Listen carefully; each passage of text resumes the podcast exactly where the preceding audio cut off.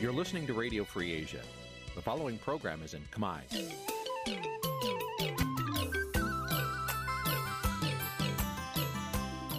នេះជាកម្មវិធីផ្សាយ Vuthu Azizi Serai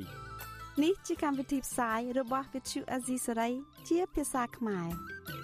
Vuthu Azizi Serai សូមស្វាគមន៍លោកអ្នកនាងទាំងអស់ពីរដ្ឋធានី Washington នៃសហរដ្ឋអាមេរិក។ ពីរដ្ឋធានីវ៉ាស៊ីនតោនខ្ញុំបាទសេកបណ្ឌិតសូមជម្រាបសួរអស់លោកអ្នកនាងកញ្ញាទាំងអស់ជាទីមេត្រីយើខ្ញុំសូមជូនកម្មវិធីផ្សាយសម្រាប់ព្រឹកថ្ងៃសៅរ៍5រោចខែផល្គុនឆ្នាំខាលចត្វាស័កពុទ្ធសករាជ2566ត្រូវនៅថ្ងៃទី11ខែមីនាគ្រិស្តសករាជ2023បាទជាដំបូងនេះសូមអញ្ជើញអស់លោកអ្នកនាងស្ដាប់ព័ត៌មានប្រចាំថ្ងៃដែលមានមេតិការដូចតទៅ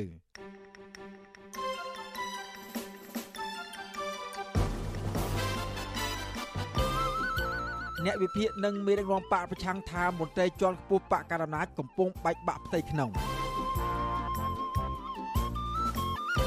ក្រមស្ត្រីចង់ឃើញលោកហ៊ុនសែនផ្ដល់តម្លៃនឹងការពីស្ត្រីគ្រប់រូបឲ្យដូចប្រពន្ធកូនរបស់លោក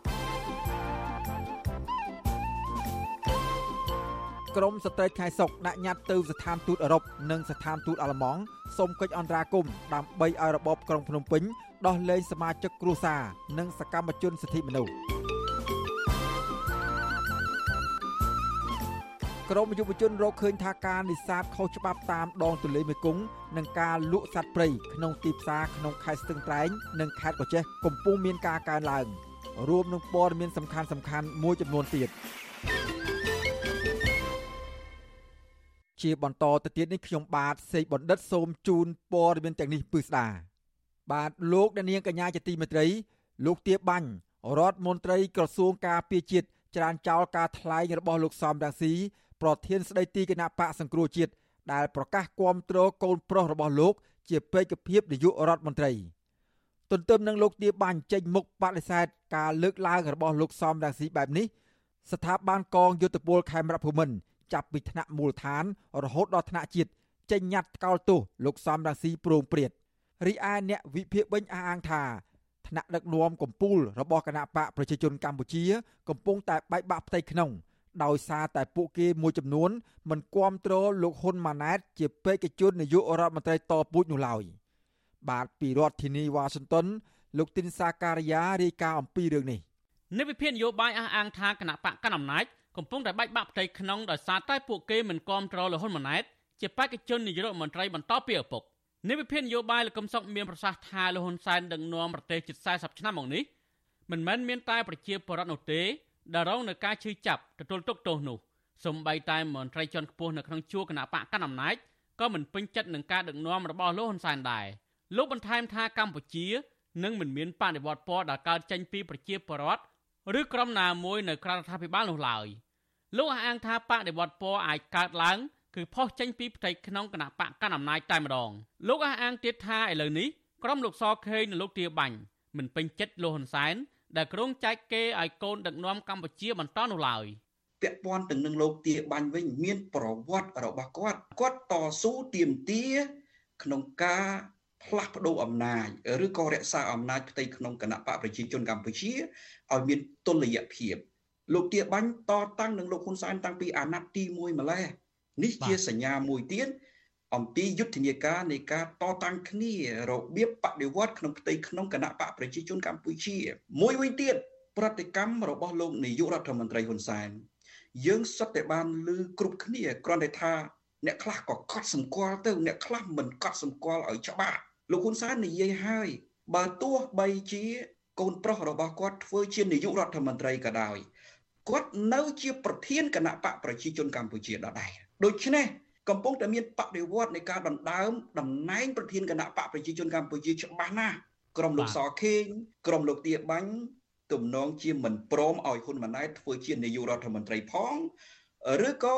ជាប្រធានគណៈបកប្រជាជនកម្ពុជាផងនោះទេ ការលើកឡើងរបស់លោកកំសុកនេះនៅក្រៅពេលលោកហ៊ុនសែនប្រកាសអំពាវនាវឲ្យបរដ្ឋចូលរួមទប់ស្កាត់ចលនាបដិវត្តពណ៌ ហើយនាំគ្នាការពារសន្តិភាពរបស់លោកសូមកុំធ្វើសកម្មភាពណាមួយដែលជំរុញឲ្យប្រទេសមានសង្គ្រាមឲ្យសោះយើងមិនអត់អោនឲ្យអ្នកណាក៏ដោយមិនថាខ្មែរឬបរទេសដែលធ្វើសកម្មភាពប្រឆាំងនឹងឯករាជ្យអធិបតេយ្យរបស់យើងក្រោមហេតុផលប្រជាធិបតេយ្យនិងសិទ្ធិមនុស្សហើយធ្វើឲ្យប្រទេសរបស់យើងមានសង្គ្រាមឡើងវិញនោះទេ ទោះបីជាយ៉ាងនេះក្តីលោកសខេងរដ្ឋមន្ត្រីក្រសួងមហាផ្ទៃធ្លាប់បានលើកឡើងជាសាធារណៈថាចលនាបដិវត្តពណ៌គឺកើតចេញពីផ្ទៃក្នុងរបស់រដ្ឋាភិបាលខ្លួនឯងតែម្ដងដែលមានមន្ត្រីអសកម្មមិនយកចិត្តទុកដាក់បម្រើរាជហើយធ្វើឲ្យប៉ះពាល់ដល់សិទ្ធិសេរីភាព និងប្រយោជន៍របស់ប្រជាពលរដ្ឋការលើកឡើងរបស់លោកសខេងនេះត្រូវបាននិវិភាគថាជាការបង្ហាញឲ្យឃើញកាន់តែច្បាស់ថាផ្ទៃក្នុងគណៈបកប្រជាជនកម្ពុជាកំពុងតែប្រះស្រាំតើតើនឹងបញ្ហានេះ លោកនាយរដ្ឋមន្ត្រីហ៊ុនសែនខ្លួនឯងវិញក៏បានអះអាងពីមូលហេតុនៃការបិទសារព័ត៌មាន VOD កាលពីពេលថ្មីថ្មីនេះដែរថាវិទ្យុ VOD បានផ្សាយធ្វើឲ្យបែកបាក់ផ្ទៃក្នុងរដ្ឋាភិបាលលោកហ៊ុនសែនបានសរសេរនៅលើ Facebook របស់លោកថា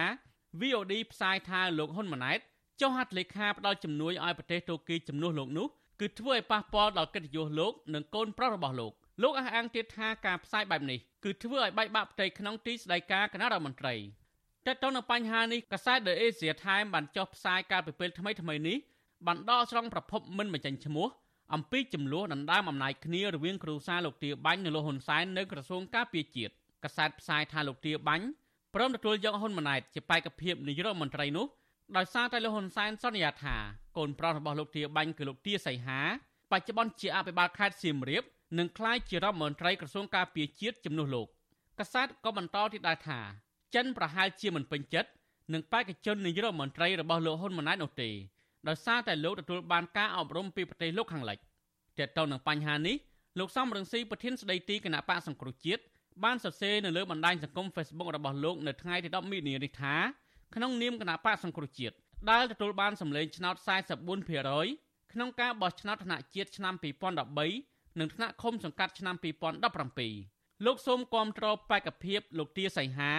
ជានាយរដ្ឋមន្ត្រីសម្រាប់អាណត្តិទី7គឺពីឆ្នាំ2023ដល់ឆ្នាំ2028លោកសំរងស៊ីបន្តថាប្រជារាស្ត្រខ្មែរដែលចង់បានសេរីភាពនិងយុត្តិធម៌ត្រូវតែរួបរวมគ្នាជំវិញករណីលោកទាសីហា លោកទាបាញ់និងលោកទាវិញដើម្បីជំរុញឲ្យមានការផ្លាស់ប្ដូរតាមបែបបទប្រជាធិបតេយ្យគឺដោយអហិង្សានិងសន្តិវិធី តាមរយៈការបោះឆ្នោតដោយសេរីនិងយុត្តិធម៌ការផ្លាស់ប្ដូរបែបនេះនឹងនាំឲ្យប្រទេសកម្ពុជា មានអ្នកដឹកនាំថ្មីដែលមិនមែនជាឃាតករជាជនមហាសែនពុករលួយបំផ្លាញជាតិនិងជាជនក្បត់ជាតិដោយលោកហ៊ុនសែននិងក្រុមគ្រួសាររបស់លោកនោះឡើយឆ្លើយតបចំពោះការគ្រប់គ្រងរបស់លោកសំរងស៊ីនេះលោកទាបាញ់រដ្ឋមន្ត្រីក្រសួងការពារជាតិនិងស្ថាប័នកងទ័ពផ្សេងទៀតនៅក្រោមការគ្រប់គ្រងរបស់ក្រសួងការពារជាតិនោះបានចេញលិខិតបដិសេធនិងថ្កោលទោសលោកសំរងស៊ីលោកទាបាញ់បានហៅខ្លឹមសារលោកសំរងស៊ីលើកឡើងបែបនេះថាជាការញុះញង់និងបំបាយបំបាក់ទៅវិញ លោកទាបាញ់សរសេរថាលោកនិងក្រុមគ្រួសាររបស់លោកនៅតែគាំទ្រលហ៊ុនម៉ាណែតជាបេក្ខភាពនាយករដ្ឋមន្ត្រីដដែលទោះបីជាយ៉ាងនេះក្តីក្រុមនៃវិភាគលើកឡើងថាការចេញលិខិតបដិសេធរបស់លោកទាបាញ់នេះមិនអាចសន្មត់ថា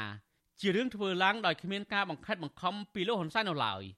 នេះវិភាគនៅតែមើលឃើញថាផ្ទៃក្នុងគណៈបកកណ្ដាលអំណាចប្រកាសជាមានអ្នកចំទាស់បេក្ខភាពលោកហ៊ុនម៉ាណែតជានាយករដ្ឋមន្ត្រីនេះបើមិនអញ្ចឹងទេ មិនមែនលោកហ៊ុនសែនដាក់ផែនការបន្សុតអំណាចខ្សែស្រឡាយលោកជាស៊ីមនោះទេលោកហ៊ុនសែនធ្លាប់បានចាប់ប្រធានអង្គរៈនិងជំនួយការផ្ទាល់របស់លោកជាស៊ីមដាក់ពន្ធនាគារកាលលោកនៅមានជីវិតដល់បញ្ហានេះនិវិភាគមើលឃើញថាជាផែនការរបស់លោកហ៊ុនសែនក្រុងទុកតាំងពីយូរណាស់មកហើយចំពោះអ្នកណាហើយដែលលោកមើលឃើញថា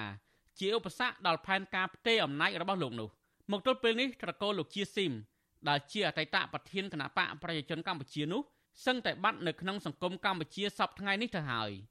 នេះវិភាគមើលឃើញថាមានតែលោកទាបាញ់និងលោកសខេងតែប៉ុណ្ណោះដែលជាឧបសគ្គរបស់លោកហ៊ុនសែនដោយសារតែលោកសខេងគ្រប់គ្រងក្រសួងមហាផ្ទៃហើយលោកទាបាញ់កាន់កាប់ក្រសួងការពារជាតិមានកងកម្លាំងប្រដាប់អាវុធនៅក្នុងដៃក្រុមនៃវិភាគលើកឡើងថានៅពេលខាងមុខប្រសិនបើមានចលនាណាមួយងើបឡើងប្រឆាំងនឹងលោកហ៊ុនសែននោះមិនមែនកើតចេញពីប្រជាប្រដ្ឋនោះទេ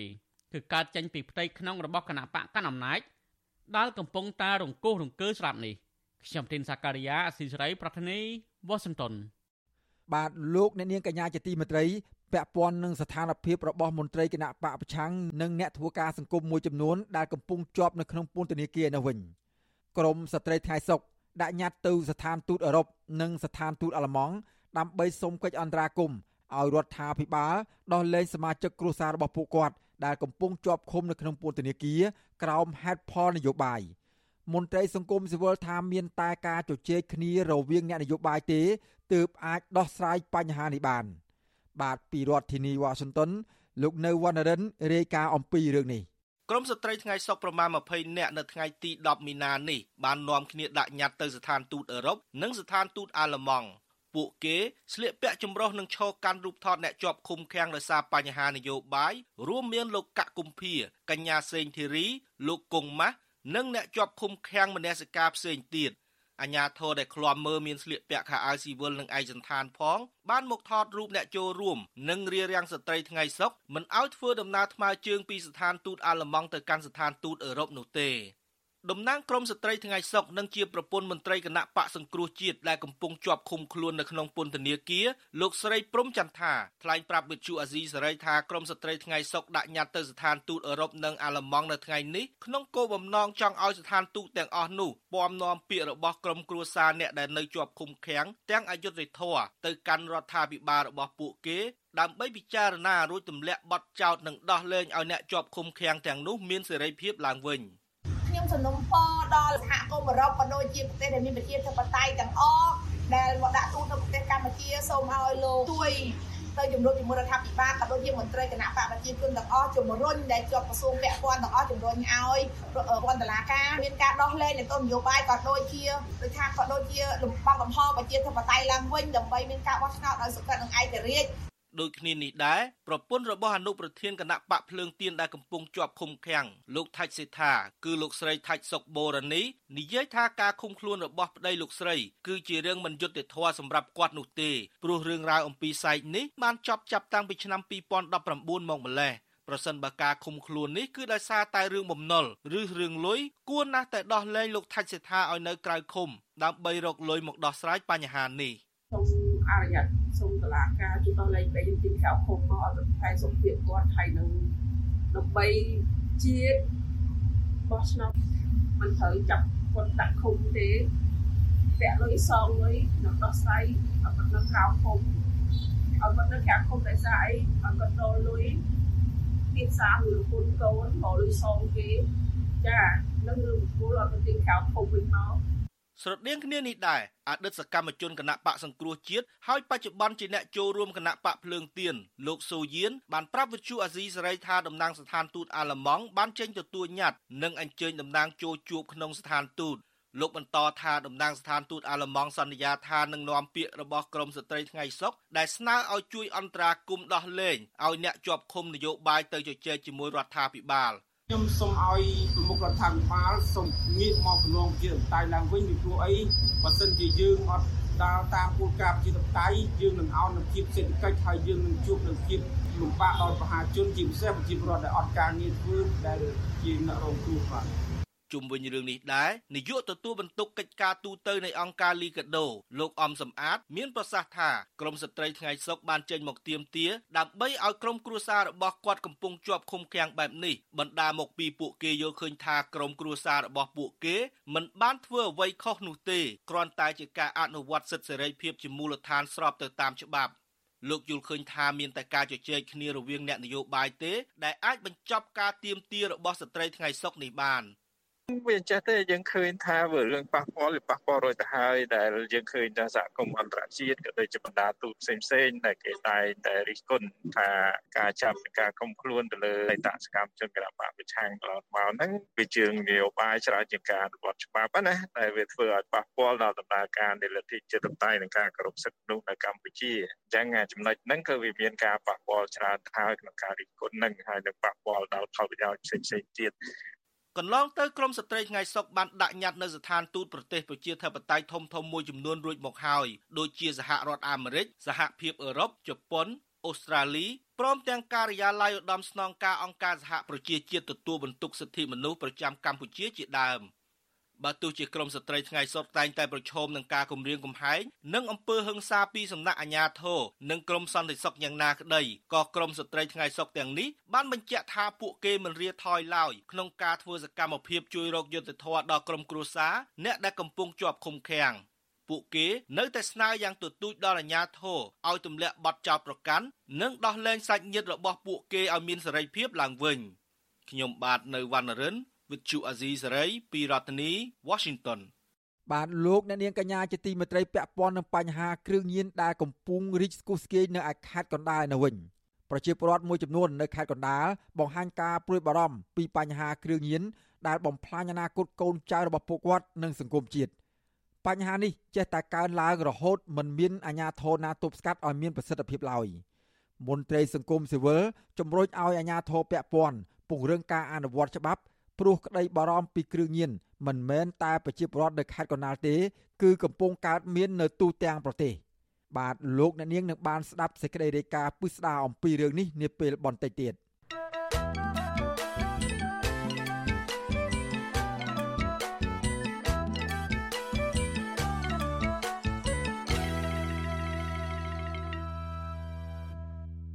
បាទលោកអ្នកនាងកញ្ញាជាទីមេត្រីពាក់ព័ន្ធនឹងបញ្ហាបរិស្ថាននិងសត្វព្រៃវិញ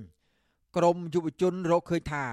ការនេសាទខុសច្បាប់ នៅតាមដងទន្លេមេគង្គនិងការតាំងលក់សាច់សត្វព្រៃនៅលើទីផ្សារនៅតែបន្តកើតមានគួរឲ្យព្រួយបារម្ភស្ថិតនៅក្នុងខេត្តស្ទឹងត្រែងនិងខេត្តកោះចេះ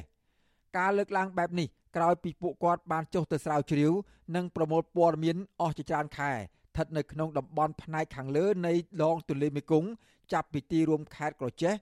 រហូតទល់នឹងព្រំដែនប្រទេសឡាវបាទពីរដ្ឋធានីវ៉ាស៊ីនតោនលោកនៅវណ្ណរិន មានសេចក្តីរាយការណ៍មួយទៀតអំពីរឿងនេះ សមាគមបណ្ដាញយុវជនកម្ពុជារកឃើញថាធនធានធម្មជាតិនិងជីវៈចម្រុះនៅតាមដងទន្លេមេគង្គផ្នែកខាងលើគឺជាតំបន់មានសក្តានុពលខ្លាំងផ្នែកធនធានធម្មជាតិជីវៈចម្រុះនិងវិស័យទេសចរកំពុងប្រឈមនឹងការបំផ្លិចបំផ្លាញដោយសកម្មភាពខុសច្បាប់នានាពួកគេអះអាងថាបើទោះជាមានអាជ្ញាធរផ្សព្វផ្សាយច្បាប់ស្ដីពីជលផលយ៉ាងទូលំទូលាយយ៉ាងណាក្តីក៏សកម្មភាពនេសាទខុសច្បាប់ ការជួញដូរសត្វព្រៃនិងប្រភេទត្រីកម្រហាមឃាត់នៅតែកើតមានឡើងជាច្រើននៅតាមទីផ្សាររួមមានបបែលទឹកសាប ត្រីក្របី និងត្រីគល់រាំងជាដើម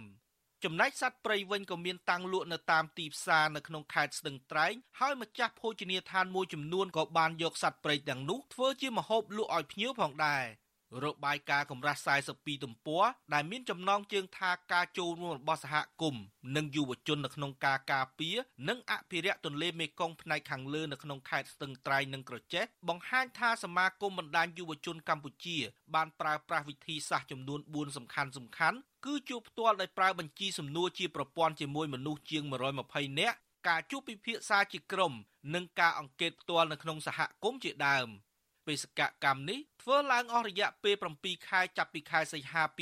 2022រហូតដល់បំណាច់ខែកុម្ភៈឆ្នាំ2023ប្រធានផ្នែកកម្មវិធីស្រាវជ្រាវនឹងតស៊ូមតិនៃសមាគមបណ្ដាញយុវជនកម្ពុជាលោកហេងកំហុងប្រាប់វិទ្យុអាស៊ីសេរីថាគោលបំណងសំខាន់នៃការធ្វើរបាយការណ៍នេះចង់ស្វែងយល់ពីការចូលរួមរបស់យុវជន និងសហគមន៍ថាតើពួកគេចូលរួមកម្រិតណានៅក្នុងការការពារទន្លេមេគង្គ លោកបញ្ជាក់ថាខ្លឹមសារនៃរបាយការណ៍នេះជំរុញឲ្យអាជ្ញាធររកវិធីសាស្ត្រដោះស្រាយឲ្យមានប្រសិទ្ធភាពក្នុងភារកិច្ចការពារទន្លេមេគង្គខណៈបច្ចុប្បន្នចំនួនអាជ្ញាធរមានតិចតួចនៅឡើយហើយអាជ្ញាធរខ្លះទៀតអសកម្មមិនបំពេញតួនាទីពេញលេញដើម្បីការពារធនធានធម្មជាតិនិងទប់ស្កាត់បទល្មើសនេសាទ សហគមន៍ក៏បានលើកឡើងថាប្រហែលជាមានទំនាក់ទំនងជាមួយនឹងពើពុកលួយដែលបដែតបដោយឲ្យបន្តកើតមានបទល្មើសនៅក្នុងតំបន់ការពារធម្មជាតិនិងតំបន់ទន្លេមេគង្គបាទជាពិសេសគឺបទល្មើសនៅក្នុងការជួញដូរសត្វព្រៃនិងបទល្មើសនេសាទ របាយការណ៍ដែលចេញផ្សាយនៅថ្ងៃទី9មីនាបន្ថែមថាការស្រាវជ្រាវនៅតំបន់ផ្នែកខាងលើនៃទន្លេមេគង្គនិងតំបន់ការពារធម្មជាតិចំនួន3គឺតំបន់រាមសាខេត្តស្ទឹងត្រែងដែនជំរកសត្វព្រៃឡង់ដែនជំរកសត្វសម្បូរនិងតំបន់ច្រករបៀងជីវៈចម្រុះរបាយការណ៍ដដែលបន្ថែមថាកត្តាមិនយកចិត្តទុកដាក់ ការប្រព្រឹត្តអំពើពុករលួយនិងកង្វះសម្ភារៈទំនើបប្រើប្រាស់ដើម្បីទប់ស្កាត់បទល្មើសនេសាទនានាคล้ายជាក្តីបារម្ភដ៏ធ្ងន់ធ្ងរមួយសម្រាប់កិច្ចអភិរក្សក្នុងតំបន់ទន្លេមេគង្គ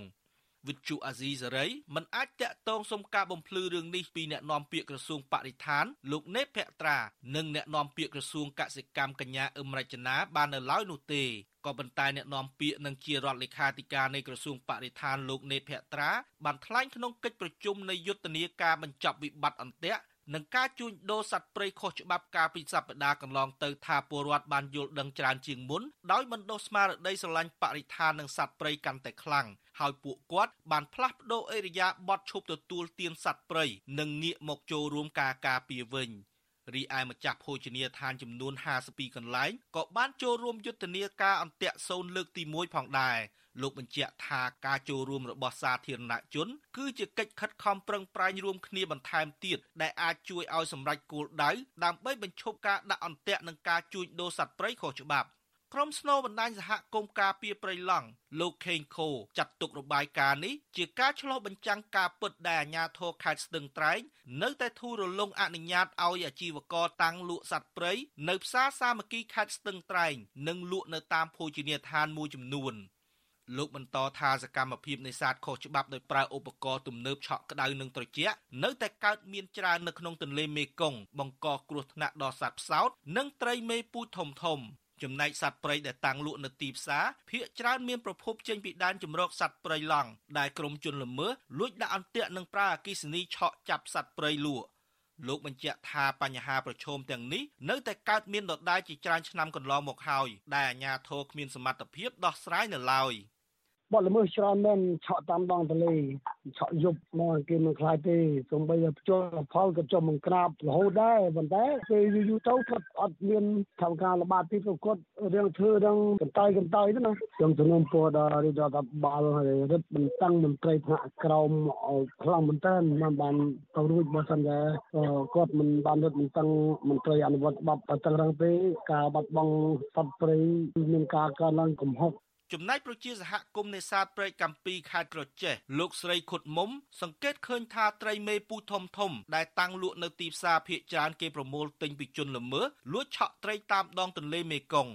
លោកស្រីបន្តថាអាញាធរគួរតែហាមឃាត់ការទិញនិងលក់ដូរសត្វត្រីដែលមានប្រភពពីការនេសាទខុសច្បាប់ទាំងនេះព្រោះអាជីវកម្មនេះហាក់លើកទឹកចិត្តឲ្យក្រុមជនល្មើសបន្តសកម្មភាពខុសច្បាប់ មានការថយចុះដោយសារតែអ្នកនេសាទខុសច្បាប់នឹងពីមុនមកត្រីលងពូជវាមានដល់ពេលក្រោយមកមាននេសាទខុសច្បាប់នឹងធ្វើឲ្យត្រីនៃពូជនៅក្នុងលងយើងនឹងវាកាត់បន្ថយវាបាត់បង់ណា របាយការណ៍របស់សមាគមបណ្ដាញយុវជនកម្ពុជាបានបង្ហាញរូបភាពបបែលទឹកសាបដ៏កម្រមួយទម្ងន់10គីឡូក្រាម និងប្រវែង6ទឹករាងជារង្វង់ដែលត្រូវបានបរិសម្នាក់ចាប់យកទៅលក់នៅទីផ្សារខេត្តស្ទឹងត្រែងត្រង់រង្វង់មូលមាត់ទន្លេរីឯសាច់សត្វឆ្លុះនិងត្រីមេពូធំធំ ដែលជាប្រភេទត្រីកម្រចិត្តផុតពូជក៏មានតាំងលក់នៅទីផ្សារខេត្តស្ទឹងត្រែងផងដែរ។ របាយការណ៍ដដែលក៏បានបង្ហាញអនុសាសន៍មួយចំនួនដោយស្នើឲ្យលោកនាយករដ្ឋមន្ត្រីហ៊ុនសែនធ្វើអធិការកិច្ចការពារដោយជំរុញឲ្យក្រសួងកសិកម្មនិងក្រសួងបរិស្ថាន បំពេញតួនាទីការពារនិងអភិរក្សសត្វត្រីជីវៈចម្រុះនិងព្រៃលិចទឹកនៅក្នុងតំបន់ទន្លេមេគង្គឲ្យមានប្រសិទ្ធភាពយូរអង្វែង។ លើពីនេះទៀតដងទន្លេមេគង្គស្ថិតនៅក្នុងខេត្តក្រចេះនិងខេត្តស្ទឹងត្រែងរហូតទល់ដល់ព្រំដែនឡាវដែលមានទេសភាពប្លែកប្លែកអមដោយព្រៃលិចទឹកសត្វស្លាបឆ្នេរខ្សាច់និងកោះជាច្រើនដុះស្អេកស្កះគឺជាប្រភពធម្មជាតិយ៉ាងសំខាន់ដែលអ្នកទេសចរចាប់អារម្មណ៍មកទស្សនានិងស្វែងយល់ពីសក្តានុពលទឹកទន្លេដែលជាកន្លែងរកចំណូលបន្ទាប់បន្សំថ្មីមួយទៀតសម្រាប់ប្រជាសហគមន៍នៅមូលដ្ឋានខ្ញុំបាទនៅវណ្ណរិន វិទ្យុអាស៊ីសេរីពីរដ្ឋធានី Washington បាទលោកនាងកញ្ញាជាទីមេត្រីពាក់ព័ន្ធនឹងបញ្ហាថែរក្សាបរិស្ថាននិងការរក្សាទុកសម្រាមវិញស្ថានទូតសហរដ្ឋអាមេរិកសហការជាមួយនឹងដៃគូពាក់ព័ន្ធរួមមានក្រសួងបរិស្ថានសាលារាជធានីភ្នំពេញក្រមយុវជន និងវិស័យឯកជនប្រកាសជាផ្លូវការនៅយុទ្ធនាការតោះនិយាយអំពីការទុកដាក់សម្រាមយុទ្ធនាការនេះ មានគោលបំណងលើកទឹកចិត្តដល់ពលរដ្ឋខ្មែរឲ្យបញ្ឈប់ការចោលសម្រាមមិនត្រឹមត្រូវបញ្ឈប់ការដុតសម្រាមផ្លាស្ទិកនិងកាត់បន្ថយការប្រើប្រាស់ផ្លាស្ទិកស្ថានទូតអាមេរិកឲ្យដឹងនៅក្នុងសេចក្តីប្រកាសព័ត៌មានកាលពីថ្ងៃទី10ខែមីនាថាយុទ្ធនាការនេះឧបត្ថម្ភថវិកាដោយទីភ្នាក់ងារសហរដ្ឋអាមេរិកដើម្បីអភិវឌ្ឍអន្តរជាតិ USAID ក្រោមគម្រោងអនាគតបៃតង យុទ្ធនាការនេះនឹងចែកចាយខ្លឹមសារនិងសារកន្លឹះតាមរយៈប្រព័ន្ធអនឡាញនិងផ្ដល់ព័ត៌មានវិទ្យាសាស្ត្រស្ដីពីផលប៉ះពាល់នៃការចោលសម្រាមព្រមទាំងផ្ដល់វិធីសាស្ត្រក្នុងការគ្រប់គ្រងសម្រាមនិងការសំណល់ផ្សេងផ្សេងទៀតរយៈពេលជាង10ឆ្នាំកន្លងមកនេះទីភ្នាក់ងារ USAID បានចូលរួមជាថវិកាចំនួន100លានដុល្លារក្នុងការអភិរក្សនិងការពារបរិស្ថានព្រមទាំងធនធានធម្មជាតិនៅក្នុងប្រទេសកម្ពុជា ទីភ្នាក់ងារដដែលនេះរីករាយនៅក្នុងការពង្រីកវិសាលភាពការងាររបស់ខ្លួន ដើម្បីដោះស្រាយបញ្ហាសម្រាមនៅកម្ពុជា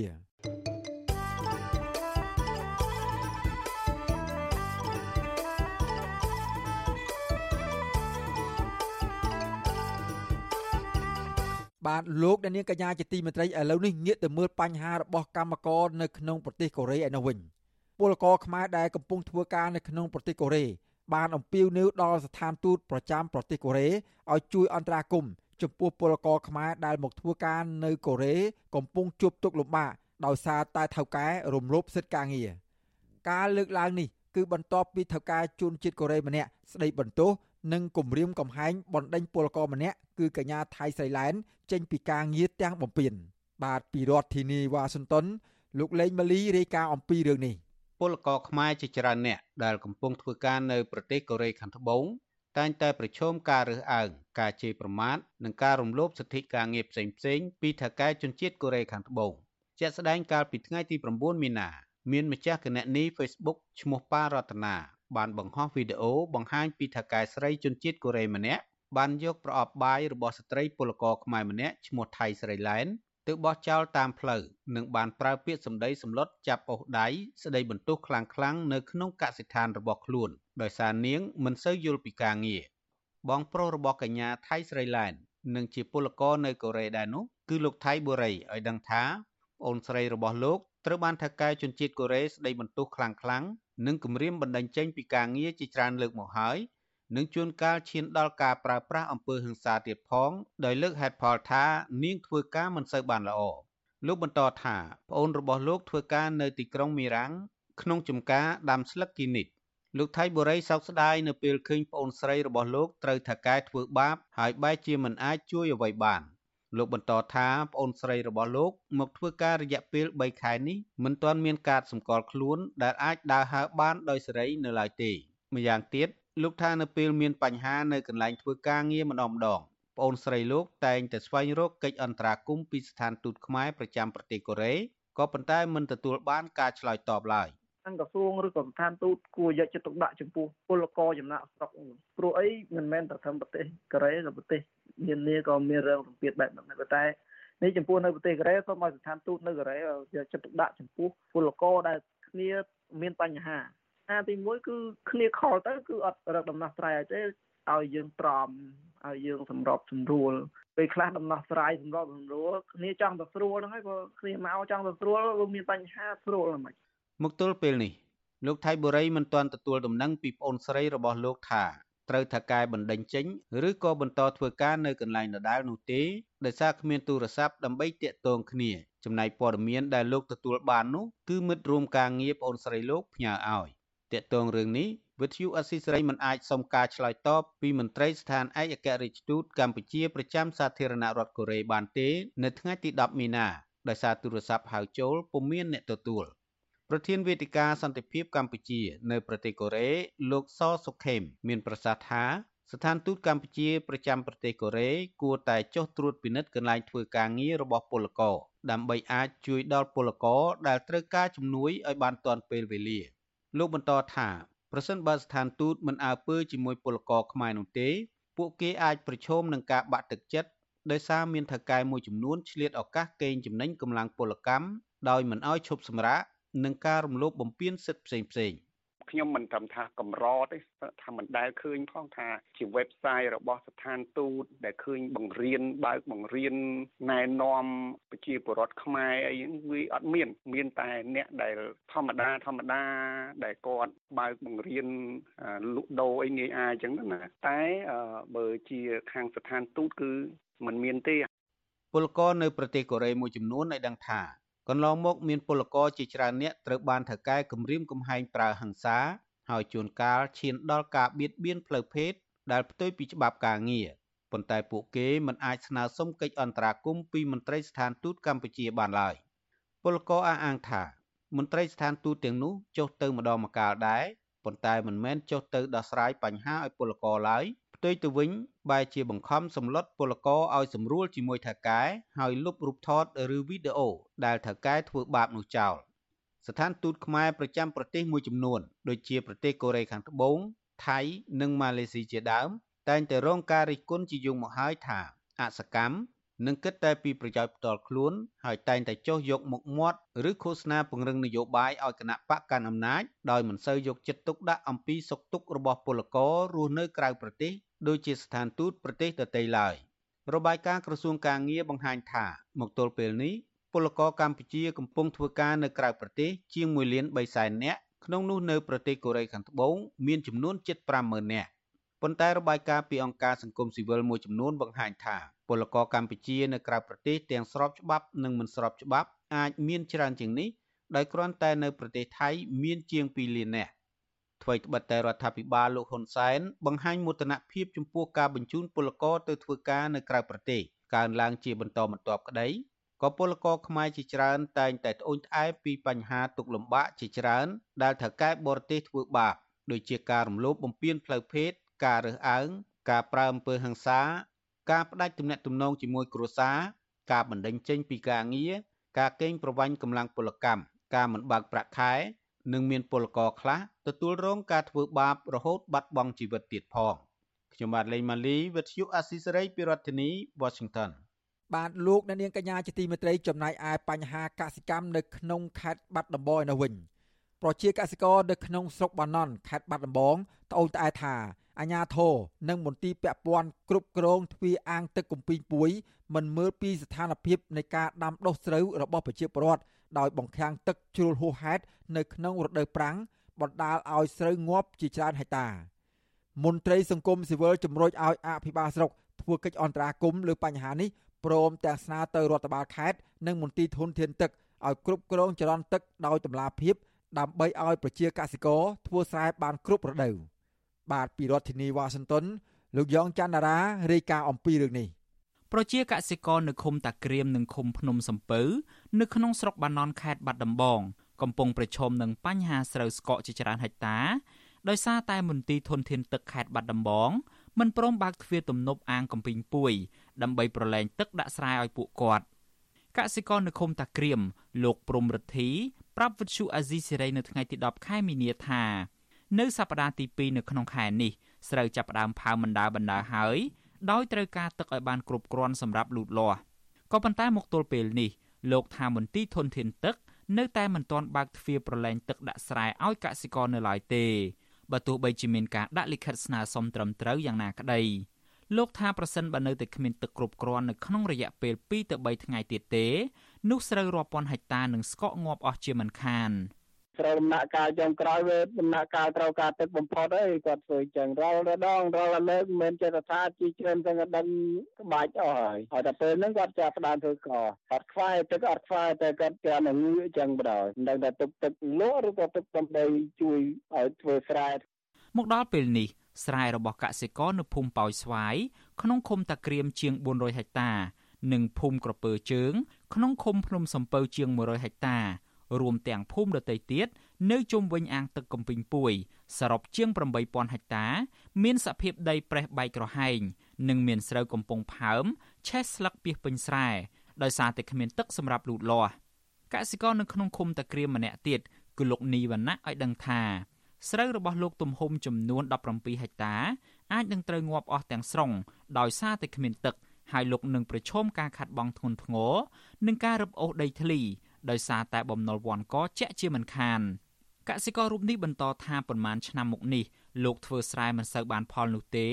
ដោយសារតែពេលធ្វើស្រែប្រាំងតែងតែប្រឈមបញ្ហាខ្វះទឹកខណៈនៅរដូវវស្សាវិញ តែងតែប្រឈមការលិចលង់ដោយសារការបើកទឹកទំនប់យ៉ាងគំហុកលោកបន្ថែមថាប្រសិនបើនៅក្នុងសប្តាហ៍នេះមន្ទីរធនធានទឹក នៅតែមិនព្រមបើកទ្វារទំនប់ទេកសិករនឹងកែនគ្នាទៅបើកទំនប់ទឹកដោយខ្លួនឯងខ បើអាចុងខែ11ដល់ពេលស្រូវទុំបានគាត់បើកស្រួលខែ11គាត់បើកស្រួលឆ្នាំនេះគាត់បើកបលិចយើងហ្មងបាទក៏មិនគាត់បើកឲ្យយើងបានផលទេគាត់បើកបលិចយើងវាអត់ទៅជាល្អហ្មងឆ្នាំនេះជាតែឆ្នាំនេះពេលស្រូវទុំគាត់បើកបលិចហ្មងបើកយកបាក់បន្លាយចោលក៏បានដែរអាបើកបើកបើកអាពេលស្រូវយើងទុំណាអាបើកដោយអត់ប្រយោជន៍ណាហើយដល់តែពេលមានប្រយោជន៍បើកមកឲ្យឬថាទទួលយកចង់បាន កាលពីថ្ងៃទី3ខែមីនា ប្រជាពលរដ្ឋបានដាក់លិខិតស្នើទៅប្រធានមន្ត្រីធនធានទឹកខេត្តបាត់ដំបងលោកឡុងផលគុណដើម្បីសុំបើកទ្វារទឹកអាងកំពីងពួយ ដើម្បីដាក់ស្រែនៅក្នុងដំណាក់កាលស្រូវផើមទៅតាមការសន្យាក្នុងពេលប្រជុំនៅមុនពេលធ្វើស្រែប្រាំង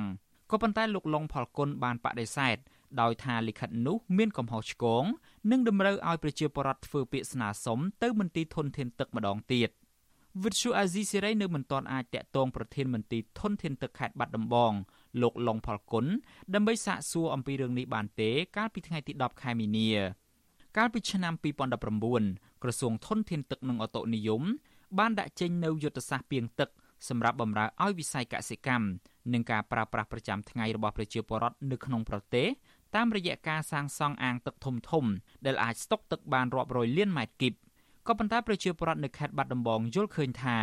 យុទ្ធសាស្ត្រនេះមិនបានជួយដល់កសិករនោះឡើយ ហើយថែមទាំងបង្កផលលំបាកទៅវិញដោយសារតែមន្ត្រីនិងអាជ្ញាធរក្តោបក្តាប់ទ្វារទឹកយ៉ាងតឹងតែងនៅរដូវប្រាំងនិងបើកទ្វារទឹកយ៉ាងកំរោលបង្កការលិចលង់នៅរដូវវស្សាតែកតិនទៅនឹងបញ្ហានេះអ្នកសម្របសម្រួលអង្គការឃ្លាំមើលសិទ្ធិមនុស្សលីកាដូប្រចាំនៅខេត្តបាត់ដំបងគឺលោកអិនគង្ជិតមានប្រសាសន៍ថាករណីនេះមេឃុំនិងអភិបាលស្រុកត្រូវតែធ្វើរបាយការណ៍អំពីការរងគ្រោះរបស់ប្រជាកសិករដាក់ទៅរដ្ឋបាលខេត្តនិងមន្ទីរធនធានទឹក ដើម្បីស្នើសុំឲ្យបើកទ្វារទំនប់ប្រឡែងទឹកដាក់ស្រែលោកបន្តថាអាជ្ញាធរពាក់ព័ន្ធត្រូវតែយកចិត្តទុកដាក់លើរឿងនេះដើម្បីជួយសម្រួលទៅដល់ការធ្វើស្រែបានគ្រប់រដូវស្របតាមគោលនយោបាយលើកកម្ពស់វិស័យកសិកម្មរបស់រដ្ឋាភិបាល។ ទឹកនៅក្នុងអាងកពីងពួយមិនជាស្រកអស់ច្រើនទេ គឺនៅមានពេញនៅឡើយណាអញ្ចឹងករណីនេះអាជ្ញាធរស្រុកអាជ្ញាធរខេត្តនិងមន្ទីរធនធានទឹកគួរតែយកចិត្តទុកដាក់ចុះទៅពិនិត្យមើលស្ថានភាពជាក់ស្ដែងវិតម្លៃអំពីការរងផលប៉ះពាល់ទាំងនេះហើយគួរតែមានការបើកទ្វារទឹកផ្គត់ផ្គង់ទៅដល់កសិករយើងដើម្បីសង្គ្រោះស្រូវដែលខ្វះទឹកនឹងដោយសារនៅតំបន់ហ្នឹងគឺមានប្រព័ន្ធបលាយគ្រប់គ្រាន់ក្នុងការចែកចាយនិងបញ្ជូនទឹក អាងទឹកកំពីងពួយស្ថិតនៅក្នុងស្រុកបាណន់ខេត្តបាត់ដំបងគឺជាអាងស្តុកទឹកបន្សល់ពីសម័យខ្មែរក្រហមដែលអាចផ្ទុកទឹកបានប្រមាណ30លានម៉ែត្រគីបលុះដល់ចុងឆ្នាំ2021រដ្ឋបាលខេត្តបាត់ដំបងក្រោមគម្រោងរបស់ធនាគារអភិវឌ្ឍអាស៊ី ADB បានស្ដារនិងរៀបចំប្រព័ន្ធធារាសាស្ត្រអាងកំពីងពួយដែលអាចផ្ទុកទឹកបាន170លានម៉ែត្រគីបនៅក្នុងផ្ទៃដីទំហំ450គីឡូម៉ែត្រការ៉េ ដោយអះអាងថាអាចស្រោចស្រពលើផ្ទៃដីស្រែយ៉ាងហោចណាស់ក៏24000ហិកតានៅរដូវវស្សានិង16000ហិកតានៅរដូវប្រាំងក្រៅពីទំនប់អាងស្តុកទឹកកំពីងពួយខេត្តបាត់ដំបងនៅមានទំនប់ទឹកធំធំជាច្រើនទៀតដូចជាទំនប់ពហុបំណងសេកសកទំនប់កង្ហត ទំនប់បាសាក់ទំនប់ស្ទឹងបវែលនិងទំនប់សាឡាតាអនចាប់តាំងពីមានទំនប់ទាំងនេះមកប្រជាពលរដ្ឋដែលរស់នៅក្រោមខ្សែទឹក និងធ្លាប់ដាំដុះអាស្រ័យទៅលើប្រភពទឹកតាមតំបន់ទាំងនោះបានប្រឈមទៅនឹងការខ្វះខាតទឹកសម្រាប់ស្រោចស្រពឬក៏រងការលិចលង់នៅរដូវវស្សាបណ្ដាលឲ្យពួកគាត់ខាតបង់និងជំពាក់បំណុលធនាគារជំទឹះការខាតបង់នៅក្នុងការប្រកបរបរកសិកម្មបណ្ដាលឲ្យប្រជាពលរដ្ឋមួយចំនួនធ្លាក់ទៅក្នុងភាពក្រីក្រខណៈប្រជាពលរដ្ឋមួយចំនួនទៀតបានបោះបង់របរកសិកម្មហើយបង្ខំចិត្តធ្វើចំណាក់ស្រុកទៅធ្វើការនៅក្រៅប្រទេសជំនួសវិញ ខ្ញុំយ៉ងច័ន្ទដារាវិទ្យុអាស៊ីសេរី Washington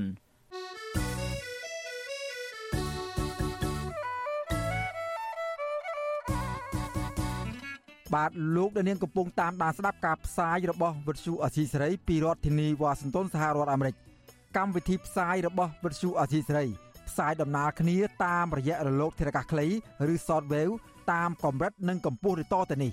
ពេលព្រឹកចាប់ពីម៉ោង5កន្លះដល់ម៉ោង6កន្លះ តាមរយៈប៉ុស SW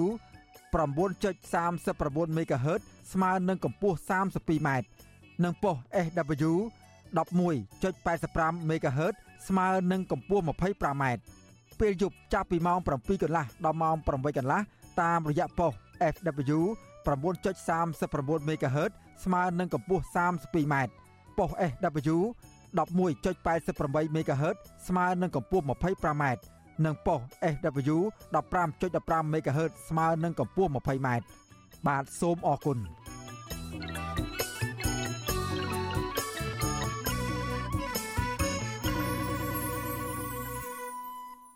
បាទលោកអ្នកនាងកញ្ញាជាទីមេត្រីឥឡូវនេះយើងក៏លេចមកមើលបញ្ហាគ្រឿងញៀនវិញម្ដងបាទប្រជាពលរដ្ឋមួយចំនួននៅខេត្តកណ្ដាលបានបង្ហាញការព្រួយបារម្ភពីបញ្ហាគ្រឿងញៀនដែលកំពុងបំផ្លិចបំផ្លាញអនាគត កូនចៅរបស់ពួកគាត់និងសង្គមជាតិព្រោះបញ្ហានេះចេះតែបន្តកើតមានឡើងរហូតមិនមានអាជ្ញាធរណាទប់ស្កាត់ឲ្យមានប្រសិទ្ធភាពនោះទេមន្ត្រីសង្គមស៊ីវិលជំរុញឲ្យអាជ្ញាធរពាក់ព័ន្ធពង្រឹងការអនុវត្តច្បាប់ព្រោះក្តីបារម្ភពីគ្រឿងញៀនមិនមែនកើតមានតែពលរដ្ឋនៅខេត្តកណ្ដាលនោះទេ គឺកំពុងកើតមាននៅស្ទើរតែទូទាំងប្រទេស បាទពីរដ្ឋធានីវ៉ាស៊ីនតោនលោកយ៉ងច័ន្ទរារាយការណ៍អំពីរឿងនេះប្រជាពលរដ្ឋមួយចំនួនរស់នៅក្នុងខេត្តកណ្ដាល បង្ហាញការព្រួយបារម្ភថាបញ្ហាជួញដូរគ្រឿងញៀនបន្តកើនឡើងនៅតាមភូមិឃុំ ដែលជាក្តីបារម្ភខ្លាចកូនចៅរបស់ពួកគាត់ធ្លាក់ចូលទៅក្នុងស្ថានភាពប្រើប្រាស់គ្រឿងញៀនប្រជាពលរដ្ឋមួយរូបលោកវីរៈជ័យឲ្យដឹងថា នៅក្នុងភូមិឃុំរបស់គាត់ អ្នកប្រើប្រាស់គ្រឿងញៀនមិនថយចុះនោះទេ គឺមានទាំងកុមារមិនទាន់គ្រប់អាយុមនុស្សពេញវ័យទាំងមានប្តីមានប្រពន្ធមានកូន និងអ្នកខ្លះទៀតអាយុ50ទៅ60ឆ្នាំទៅហើយនោះ មានទាំងចៅផងក៏នៅតែប្រើប្រាស់គ្រឿងញៀនដែរលោកវិរៈជ័យឲ្យដឹងទៀតថាបច្ចុប្បន្នសាច់ញាតិរបស់លោកជាសាច់ថ្លៃឬញាតិសាច់ឆ្ងាយផ្សេងទៀតមានខ្លះកំពុងតែប្រើប្រាស់គ្រឿងញៀនលោកបន្តថាលោកបានយកចិត្តទុកដាក់ការពារកូនប្រុសរបស់លោកកុំឲ្យពាក់ព័ន្ធគ្រឿងញៀនតែចិត្តលោកនៅតែបារម្ភជានិច្ចបារម្ភជាបារម្ភនឹកឃើញគឺមិនដឹងថ្ងៃណាអាចប៉ះពាល់ដល់គ្រួសារយើងកូនចៅយើង ប្រជាពលរដ្ឋមួយរូបទៀតលោកណូចាណាឲ្យដឹងថាអ្នកជួញដូរនឹងប្រើប្រាស់គ្រឿងញៀនហាក់មិនថយចុះនិងមិនបានលាក់បាំងនោះទេលោកថាអ្នកជួញដូរនិងអ្នកប្រើប្រាស់គ្រឿងញៀនតែងតែជួបគ្នានៅដីស្រែចម្ការក្បែរភូមិហើយអ្នកទាំងនោះក៏អាជ្ញាធរបានដឹងដែរក៏ប៉ុន្តែហាក់មិនមានចំណាត់ការជាក់លាក់នោះទេលោកថាដោយសារតែអធិបុលគ្រឿងញៀនសកម្មភាពហិង្សារវាងក្រមយុវជនក៏កើតឡើងជាញឹកញាប់និងមានលក្ខណៈសាហាវ លោកចាន់ណាឲ្យដឹងទៀតថាលោកមានកូនស្រីនៅតូចតូចមិនបារម្ភពីការប្រើប្រាស់គ្រឿងញៀននោះទេនៅពេលបច្ចុប្បន្នក៏ប៉ុន្តែលោកបារម្ភថាពួកគេអាចនឹងរងគ្រោះពីក្រុមអ្នកប្រើប្រាស់ឬមួយក៏អ្នកញៀនថ្នាំទាំងនោះប្រសិនបើមិនមានការបង្ក្រាបឲ្យថយចុះទេវាអាចពីធម្មតាវាក្មេងស្អីហ្នឹងធម្មតាវាជក់ទៅវាវាមិនឃើញអាហ្នឹងវាមានបាតុភូតផ្សេងផ្សេងវាចឹងប្រជាពលរដ្ឋតែងតែនាំគ្នានិយាយពីក្តីបារម្ភរឿងបញ្ហាគ្រឿងញៀននេះពីមួយថ្ងៃទៅមួយថ្ងៃ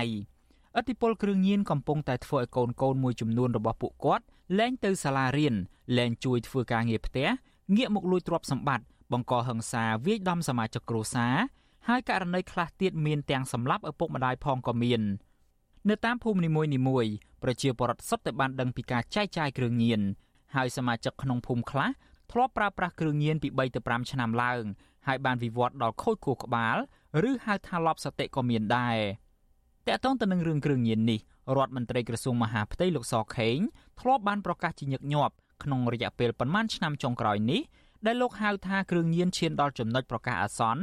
ឬហៅថាដល់បន្ទាត់ក្រហម ដែលតម្រូវឲ្យអាជ្ញាធរពាក់ព័ន្ធនិងប្រជាពលរដ្ឋគ្រប់ស្រទាប់សហការគ្នាដោះស្រាយបញ្ហានេះលោកក៏ធ្លាប់បង្ហាញការភ្ញាក់ផ្អើលនៅពេលដែលប្រសង់មួយចំនួនធ្លាក់ខ្លួនញៀនថ្នាំហើយនៅតំបន់ជនបទដាច់ស្រយាលជាពិសេសកន្លែងជនជាដើមភាគតិចរស់នៅ ក៏មានការចរាចរណ៍និងប្រើប្រាស់គ្រឿងញៀនផងដែរប្រជាពលរដ្ឋមួយរូបទៀតលោកស្រីសុភីថ្លែងថាគ្រឿងញៀនមិនមានការថយចុះនោះទេហើយអ្នកប្រើប្រាស់គ្រឿងញៀនក៏មិនយកចិត្តទុកដាក់លើការងារព្រមទាំងបង្កបញ្ហាក្នុងគ្រួសារថែមទៀតដែលជាហេតុធ្វើឲ្យស្ថានភាពគ្រួសារទាំងមូលជួបវិបត្តិលោកស្រីសុភីឲ្យដឹងថាលោកស្រីបារម្ភទាំងអនាគតកូនចៅនៅក្នុងភូមិនិងអនាគតរបស់ប្រទេសជាតិទាំងមូល នៅពេលដែលប្រជាពលរដ្ឋរងការបំផ្លាញដោយសារតែគ្រឿងញៀនចេះតែកើនឡើង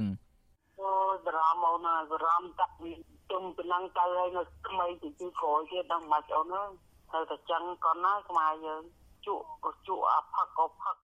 ថ្នាក់ដឹកនាំខេត្តកណ្ដាល3រូបរួមមានលោកឈឿនសុចិត្តជាស្នងការលោកគង់សុភ័ណ្ឌជាអភិបាលខេត្តនិងលោកក្រួយម៉ាឡែនជានាយករដ្ឋបាលសាលាខេត្តវិទ្យុអាស៊ីសេរីបានព្យាយាមតាក់ទងជាច្រើនលើក ដើម្បីសាកសួរអំពីបញ្ហានេះក៏ប៉ុន្តែมันមានអ្នកទទួលទូរស័ព្ទទេ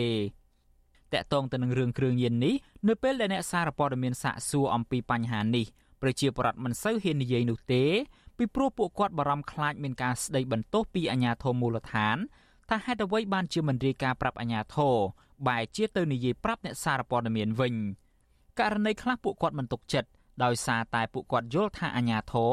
អាចជាប់ពាក់ព័ន្ធឬមួយក៏នៅពីក្រោយការជួញដូរគ្រឿងញៀនទាំងនោះម្យ៉ាងវិញទៀតការរាយការណ៍អំពីករណីគ្រឿងញៀនហើយមិនមានចំណាត់ការទៅលើអ្នកជួញដូរនោះគឺជាការទុកឱកាសឲ្យអ្នកជួញដូរគ្រឿងញៀនធ្វើបាបទៅលើពួកគាត់ទៅវិញជុំវិញរឿងនេះអ្នកនាំពាក្យសមាគមការពារសិទ្ធិមនុស្សអាត6លោកសឹងសានករណាមានប្រសាសន៍ថាអញ្ញាធិបពពន់ត្រូវទៅយកចិត្តទុកដាក់ទប់ស្កាត់បទល្មើសនានាជាពិសេសគឺអនុវត្តឲ្យមានប្រសិទ្ធភាព ទៅលើគោលនយោបាយភូមិឃុំមានសវត្ថភាព ដែលរដ្ឋាភិបាលបានដាក់ចេញលោកសឹងសានករណាបញ្ជាក់ថាការព្រួយបារម្ភអំពីបញ្ហាគ្រឿងញៀននេះមិនមែនមានតែប្រជាពលរដ្ឋនៅខេត្តកណ្ដាលនោះទេ គឺកើតមាននៅទូទាំងប្រទេសដែលអាជ្ញាធរចាំបាច់ត្រូវពង្រឹងច្បាប់ដោះស្រាយបញ្ហានេះឲ្យមានប្រសិទ្ធភាព គួរតែបន្តធ្វើការបង្ក្រាបឲ្យដល់គោលដៅដល់អ្នកដែលជាឈ្មួញធំធំអ្នកដែលមានឋានៈទូនាទីស្ពាក់ព័ន្ធធំធំនៅពីក្រោយខ្នងអីហ្នឹងឬក៏រកឃើញថាសមត្ថកិច្ចមូលដ្ឋានអីទាំងអស់ពាក់ព័ន្ធហ្នឹង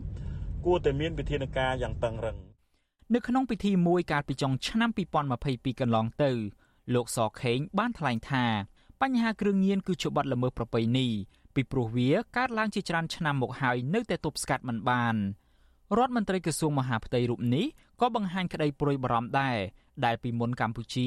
ជាប្រទេសនាំចូលគ្រឿងញៀនតែឥឡូវនេះកម្ពុជាក្លាយជាប្រទេសផលិតនិងនាំចេញគ្រឿងញៀនថែមទៀតម្ដងរកសារធាតុនេះម្ដងរកសារធាតុនោះបានសពគ្រប់ហើយវាផ្សំទៅការពិតហើយវានាំចេញទៅក្រៅប្រហែលជា90%ប៉ុន្តែអា10%នៅក្នុងស្រុកយើងមិនដល់ទៀតហើយអា90%ទៀតនាំទៅថាខ្មែរយើងជាអ្នកប្រទេសនាំគ្រឿងញៀនរឿងទៅទៀតនេះបញ្ហា តកតងទៅនឹងរឿងគ្រឿងញៀននេះសមត្ថកិច្ចតែងតែបង្ហាញរបាយការណ៍ជាបន្តបន្ទាប់ពីករណីបង្ក្រាបគ្រឿងញៀនហើយរឹបអូសបានពីរាប់រយគីឡូទៅរាប់តោនក៏ប៉ុន្តែករណីបង្ក្រាបភិកច្រើនអាជ្ញាធរចាប់បានតែអ្នកដឹកជញ្ជូនឬមួយក៏អ្នកយាមកន្លែងស្តុកតែប៉ុណ្ណោះចំណែកមេខ្លោងធំធំឬមួយក៏អ្នកមានអំណាចដែលជាប់ពាក់ព័ន្ធទៅនឹងរឿងនេះអាជ្ញាធរមិនដែលរកឃើញនោះទេគិតត្រឹមចុងឆ្នាំ2022កម្ពុជាមានអ្នកជាប់ឃុំជាង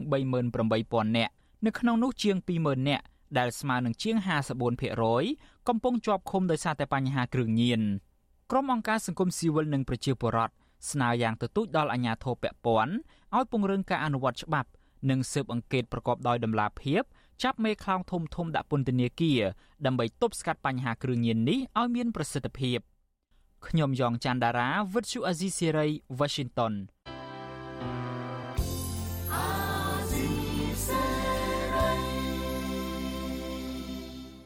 បាទលោកអ្នកនាងកញ្ញាជាទីមេត្រីពាក់ព័ន្ធនឹងការគោរពសិទ្ធិស្ត្រីនៅពេលបច្ចុប្បន្ននេះក្រមស្ត្រីចង់ឃើញលោកនាយករដ្ឋមន្ត្រីហ៊ុនសែនបំពេញតួនាទីជាមេដឹកនាំល្អការពារស្ត្រីគ្រប់រូបពីការរំលោភបំពានផ្សេងផ្សេងឲ្យដូចដែលលោកហ៊ុនសែនកំពុងធ្វើជាប្តីនិងឪពុកល្អការលើកឡើងបែបនេះស្របពេលដែលលោកហ៊ុនសែនបានប្រកាសជាថ្មីថាលោកនឹងមិនអត់ឱនឲ្យអ្នកណា ដែលបានប្រមាថលើក្រុមគ្រួសារសាច់ញាតិរបស់លោក ជាពិសេស ប្រពន្ធរបស់លោកនោះឡើយហើយបែរជាគម្រាមកំហែងទៅលើសកម្មជនស្ត្រី ដែលពួកគាត់តែងតែមាននិន្នាការគាំទ្រនយោបាយផ្ទុយពីលោកហ៊ុនសែនបាទពីរដ្ឋធានីវ៉ាស៊ីនតោនលោកនៅវណ្ណរិន មានសេចក្តីរាយការណ៍ពិស្ដារមួយទៀតជុំវិញរឿងនេះលោកហ៊ុនសែនជាមេដឹកនាំគ្រួសារដ៏ល្អម្នាក់ដែលការពារតម្លៃភរិយា កូនកូន និងបងប្អូនស្រីរបស់លោកទោះក្នុងតម្លៃណាក៏ដោយក៏លោកមិនអោយអ្នកណាបំពាន ឬនិយាយប៉ះពាល់បានឡើយ ប៉ុន្តែក្នុងនាមជាមេដឹកនាំប្រទេសវិញលោកហ៊ុនសែនត្រូវបានគេមើលឃើញថាហាក់មិនបានបំពេញតួនាទីល្អក្នុងការលើកកម្ពស់សិទ្ធិនិងការការពារស្ត្រីខ្មែរគ្រប់រូបនោះទេ ហើយពេលខ្លះលោកហ៊ុនសែនខ្លួនឯងតែងចេញមុខនិយាយពាក្យអសុរោះជេរប្រមាថនិងគំរាមកំហែងស្ត្រីនៅតាមវេទិកាសាធារណៈដោយមិនញញើតមាត់ឡើយដោយសារតែស្ត្រីទាំងនោះនិយាយរិះគន់ការដឹកនាំរបស់លោក ឬមិនគ្រប់គ្រងនយោបាយរបស់លោក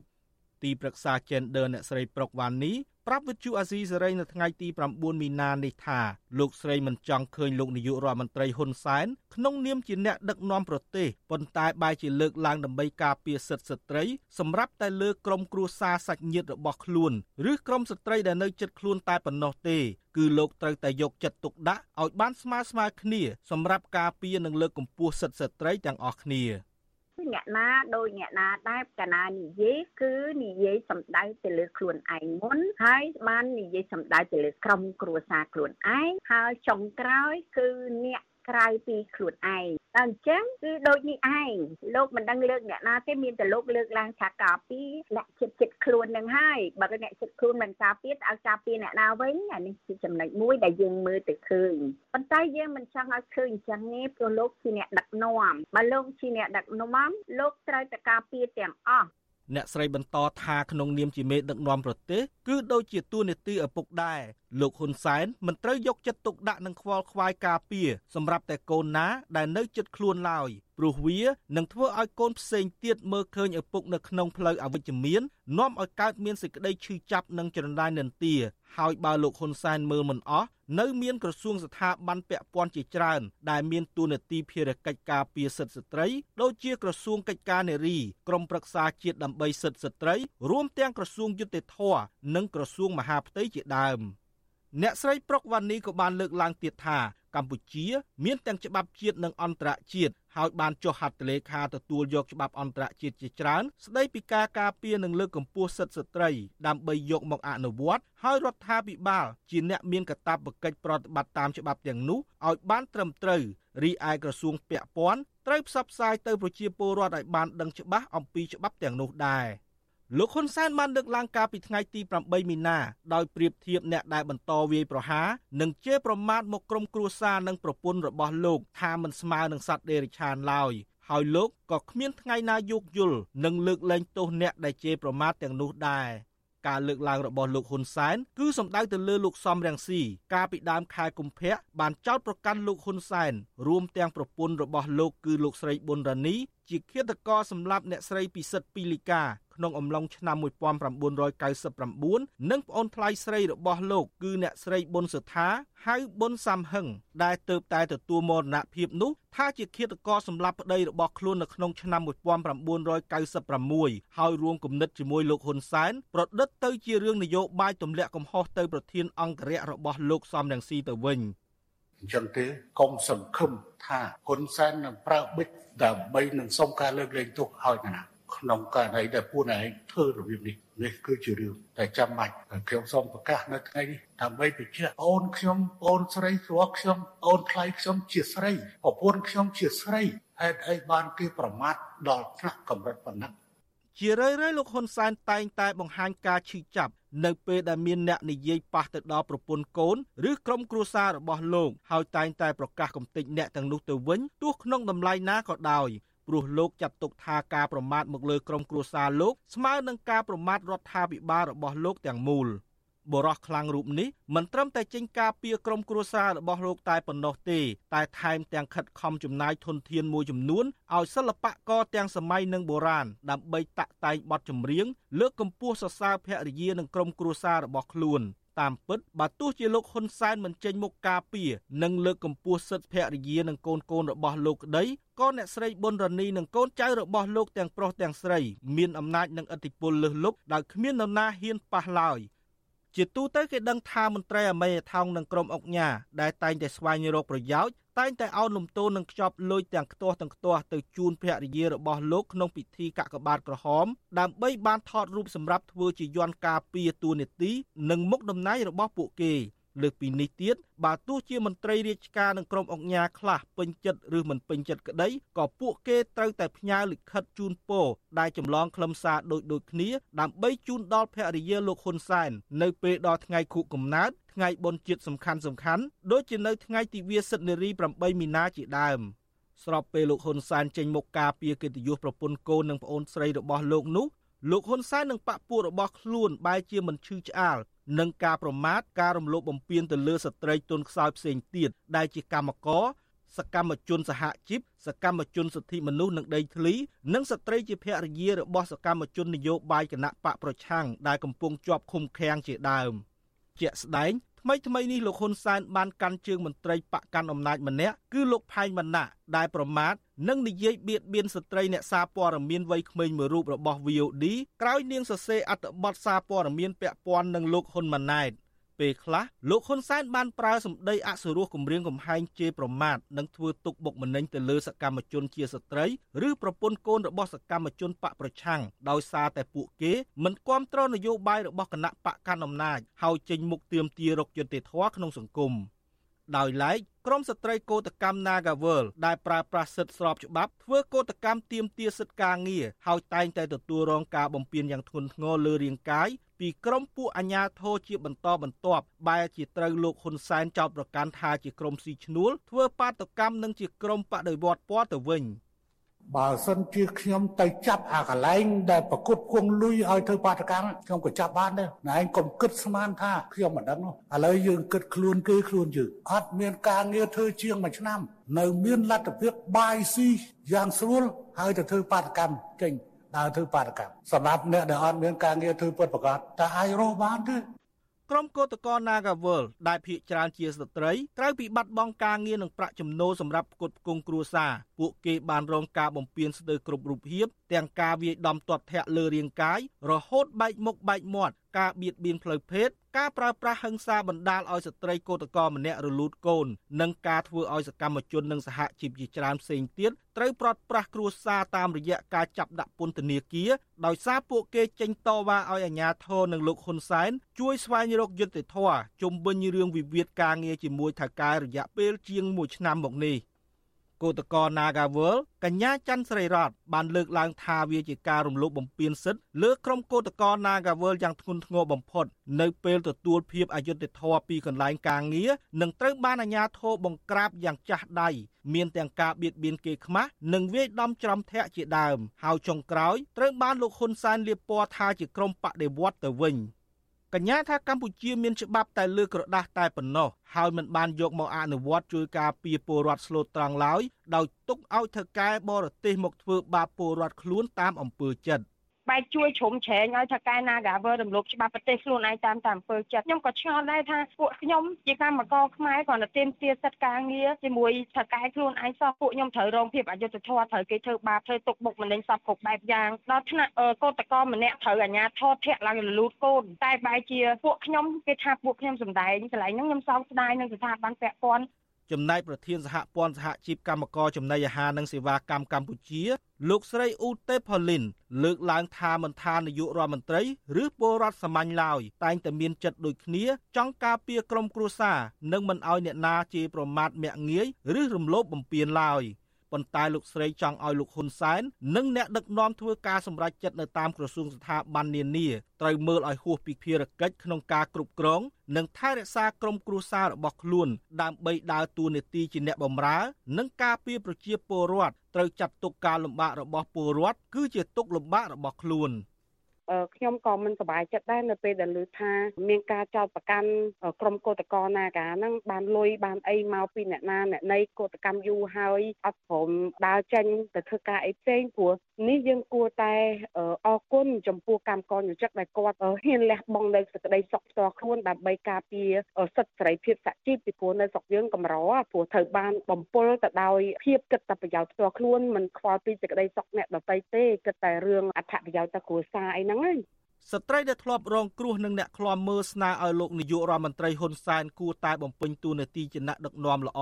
ដើម្បីការពារស្ត្រីគ្រប់រូបពីការរំលោភបំពានផ្សេងផ្សេងឲ្យដូចដែលលោកកំពុងធ្វើជាមេដឹកនាំគ្រួសារដ៏ល្អនោះពួកគាត់យល់ថាប្រសិនបើលោកហ៊ុនសែននៅតែចាត់ទុកស្ត្រីឬអ្នកដែលធ្វើសកម្មភាពឬនិយាយការពិតដើម្បីផលប្រយោជន៍សាធារណៈ តែមិនស្របនឹងទស្សនៈរបស់លោកនោះថាជាសត្រូវជាក្រុមបដិវត្តពណ៌ជាក្រុមអកតេឬក្បត់ជាតិហើយត្រូវអាជ្ញាធរចាប់ដាក់គុកប្រើហិង្សាឬត្រូវភៀសខ្លួនទៅក្រៅប្រទេសរស់នៅបែកបាក់គ្រួសារជាបន្តបន្ទាប់នោះមេដឹកនាំគណៈបកកាន់អំណាចរូបនេះនឹងត្រូវតែបាត់បង់សម្លេងគាំទ្រពីប្រជាពលរដ្ឋកាន់តែខ្លាំងនៅក្នុងការបោះឆ្នោតនៅពេលខាងមុខខ្ញុំបាទនៅវណ្ណរិន With Chu Azizi Saray ពីរដ្ឋធានី Washington